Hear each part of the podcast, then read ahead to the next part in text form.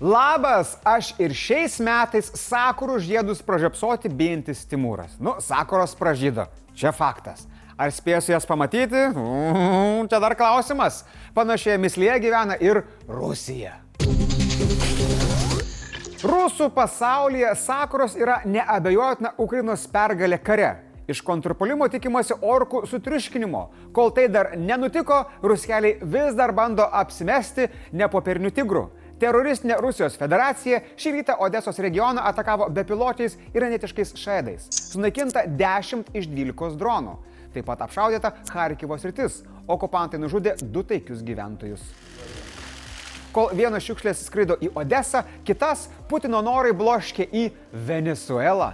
Ten atsidūręs Sergejus Lavrovas teigia, kad Latino Amerikos šalys turi susivienyti prieš JAV sankcijas. Na, gal jos ir galėtų susivienyti, bet Tada ateis siesta ir vėl vienytis reikės iš naujo. O va Pietų Korejos prezidentas Jun Sukiolas pareiškė, jei Ukrainoje susiklosi situacija, kurios tarptautinė bendruomenė negali toleruoti, šaliai gali būti sunku laikyti sprendimo tiekti tik humanitarinę ir finansinę paramą. nu, negaliu dabar tiksliai pasakyti, koks yra laiko skirtumas tarp Ukrainos ir Pietų Korejos, nu bet tikrai ne 13 mėnesių. Būčia, Mariupolis, reguliarūs daugiabučių gyvenamųjų namų raketiniai apšaudimai, kariams pjaunamos galvos, kitos rusų vykdomos egzekucijos, privartaujami vaikai bei moteris nesibaigia čia šiaip. Šios dalykus pasirodo pietų, kurie gali toleruoti. Oh well. Šis žingsnis supykdė piktą degtinės siurblį dėdę Medvedevą. Chroniukas, matyti jau tiesiogiai susikalbėdamas su Žirnovskiu, pagrasino šaliai sakydamas, kad Rusija apginkluos Šiaurės Koreją naujausią savo techniką Uuu, naujausia rusų technika. Nu, pradėkim nuo to, kad Rusija nelabai save gali apginkluoti. O pabaikim tuo, kad visas pasaulis jau pamatė, jog naujausia rusiška technika tai yra propagandiniai YouTube filmukai. naujausia rusiška technika. LOL, va čia geras pavyzdys.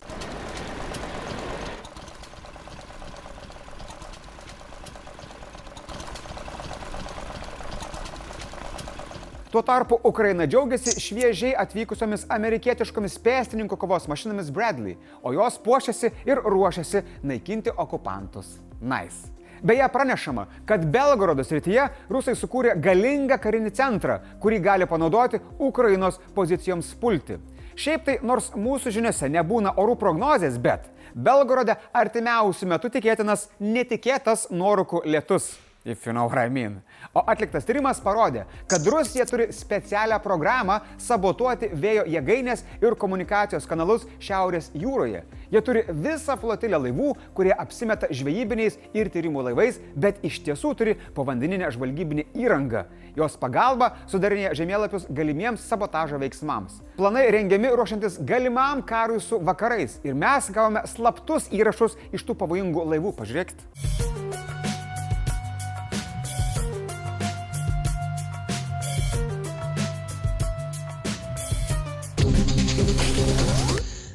Kol aš planuoju, kaip eisiu žiūrėti sakurų, NATO parengė Baltijos šalių gynybos planus ir pristatė juos visų alijansų valstybių atstovams. Atsimenate kalbas, kad pasenęs NATO planas leistų reaguoti ir atkovoti užimtas teritorijas po 180 dienų. Neatsimenat? Tai jau galit pamiršti tiek. Po Rusijos invazijos Ukrainoje NATO ėmėsi priemonių dar labiau stiprinti rytinio sparno saugumą ir yra pasirengę nuo pirmųjų polimo dienų neatiduoti ne centimetro teritorijos. Buvo laikomosi požiūrio, kad užpuolus Rusijai Baltijos šalis turėtų bandyti atlaikyti polimą, kol atvyks sąjungininkai. Dabar NATO alijansas nori būti pasirengęs iškart duoti atkirtį. Nu tipo, iškart.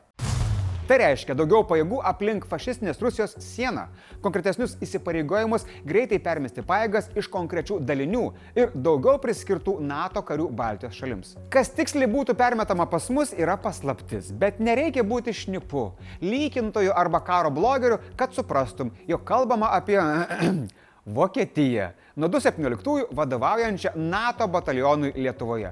Važiuokit, ką sako Lietuvoje viešintis jos generolas. Well, I wanted to show to my leadership personnel how the situation in Lithuania is, um, what's about the security situation here, what's about the landscape, um, how possibly a defense task in Lithuania could be look like. Arba kaip pasakytų Gitanas, mergelė atvažiavo apžiūrėti jaunikio namų. Užsienio reikalų ministro nuomonė pati naujiena yra aiški. Yra signalas, kad karo atveju NATO turi planus, kaip, kaip na, Lietuva ir kitos NATO valstybės būtų ginamos. Tai čia yra turbūt es, esmė to. NSGK pirmininkas Laurinas Kaščiūnas irgi pozityvus. Kai Lietuvai reikės ir bus mažai laiko, gausim pajėgumų. Šioje vietoje aš noriu perfrazuoti Kenedžio žymiosius žodžius. Neklausk, ką NATO padarys dėl tavęs, klausk, ką tu gali padaryti dėl NATO. Ar bent išvykimo krepšį jau turit? Aha.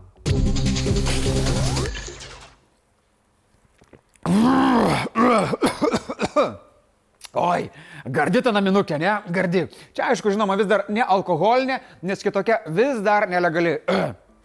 Tačiau gali būti, kad neilgam. Pala, pala, tos dar nenešk, tikrai dar ne. Praėjusią savaitę ministrų kabinetas pritarė siūlymui leisti ūkininkams, kaimo turizmo sodybų savininkams virti iki šiam 5 laipsnių stiprumo naminukę. Sunku patikėti, tačiau net po dešimties metų trukusių svarstymų būtent konservatorių valdžia paidino naminės degtinės legalizavimo klausimą. Jo, su konservatorių reitingais matyti visai nieko gero. Skaidrieji degantis velnio lašai ir toliau sėkmingai skinasi kelią valdžios koridoriuose. Nes dabar ir Seimo kaimo reikalų komitetas pritarė liberalizavimui. Kasgi geriau žino viską apie naminę, jeigu ne kaimas, na gal žvagulis bet nežinau. Tai kaimo reikalų komitetas pritarė alkoholio kontrolės įstatymo pataisoms, tačiau paprašė ekonomikos komiteto tobulinti projektą pagal vyriausybės pasiūlymus. Vyriausybė siūlo įvesti prekybos licencijas, gėrimus leisti parduoti tik ūkininkų kaimo turizmo sodyboje ir įpareigoti laboratorijose tikrinti gėrimų saugą bei kokybę. Aš tik noriu priminti, kad pirties priengis arba pavisinė tarp krūmų nėra laboratorija. Jokių būdų, tikrai ne. Na, geriau reguliuoti, o ne apsimesti, kad nieko nevyksta. Nes, kaip sako konservatorius Sergejus Jovaiša, vyksta, bet po krūmais. Šiuo metu draudžiama namuose gaminti alkoholį, išskyrus savo ar šeimos poreikiams gaminamus natūralios fermentacijos gėrimus iki 18 laipsnių, o alaus iki 9,5 laipsnių stiprumo. Įstatymo pakeitimai leistų pasigaminti iki 1000 litrų per metus, bet tik jei esi kaimo turizmo sodybos savininkas ūkininkas. Tokių Lietuvoje yra apie 70, o sertifikuotų tautinio paveldo maisto produktų gamintojų apie 300. Nu tai ką, tai dar po vieną, ne?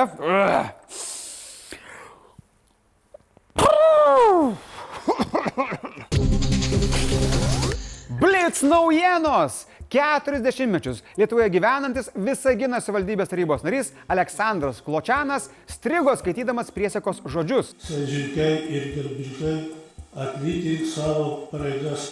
Jo tekstą paprašė perskaityti iš naujo. Paprašysiu dar kartą perskaityti aiškiai. Bet jis sakė, nesuprantu, jį paprašė vidėjo. Aš nesuprantu, kaip po 40 metų gyvenimo Lietuvoje gerbiamas Sanė nemoka lietuviškai. Vairuotojai negalės lenkti gyvenamosiose zonose, o neįgaliųjų vietose bus draudžiama staptelėti. Tai numatyta vyriausybės patvirtintose kelių eismo taisyklių pakeitimuose. Jais taip pat numatyta, kaip pėstieji galės judėti dviračių takais, o nuo gegužės pirmosios mobiliuoju telefonu vairuojant bus leidžiama naudotis tik jei jis valdomas laisvų rankų įranga ir laikomas specialiame laikiklyje. Taisyklės galioja ir selai. Seimo opozicija inicijuoja interpeliaciją Žemės ūkio ministrui Kestučiui Navickui. Jis teigia jaučiantis pareigą likti ministru ir tęsti pradėtus darbus. Navickas į interpeliacijos klausimus Seime atsakys ketvirtadienį.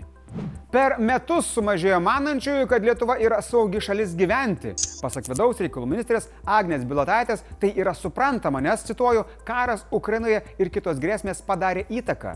Beje, pastebima, kad bendra tendencija labai gera.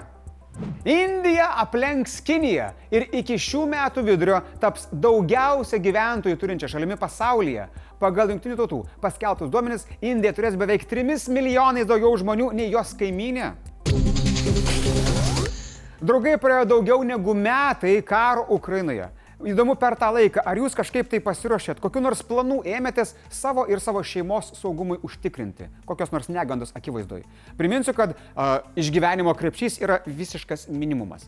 Pasidalinkit, kuogi jūs ėmėtės, ką padarėt, galbūt įkvėpsit kitus ir taip visi būsim saugesni. Beje, kol jūs šiandien sunkiai dirbot, tas jūsų bedarbis draugelis vaka veikia.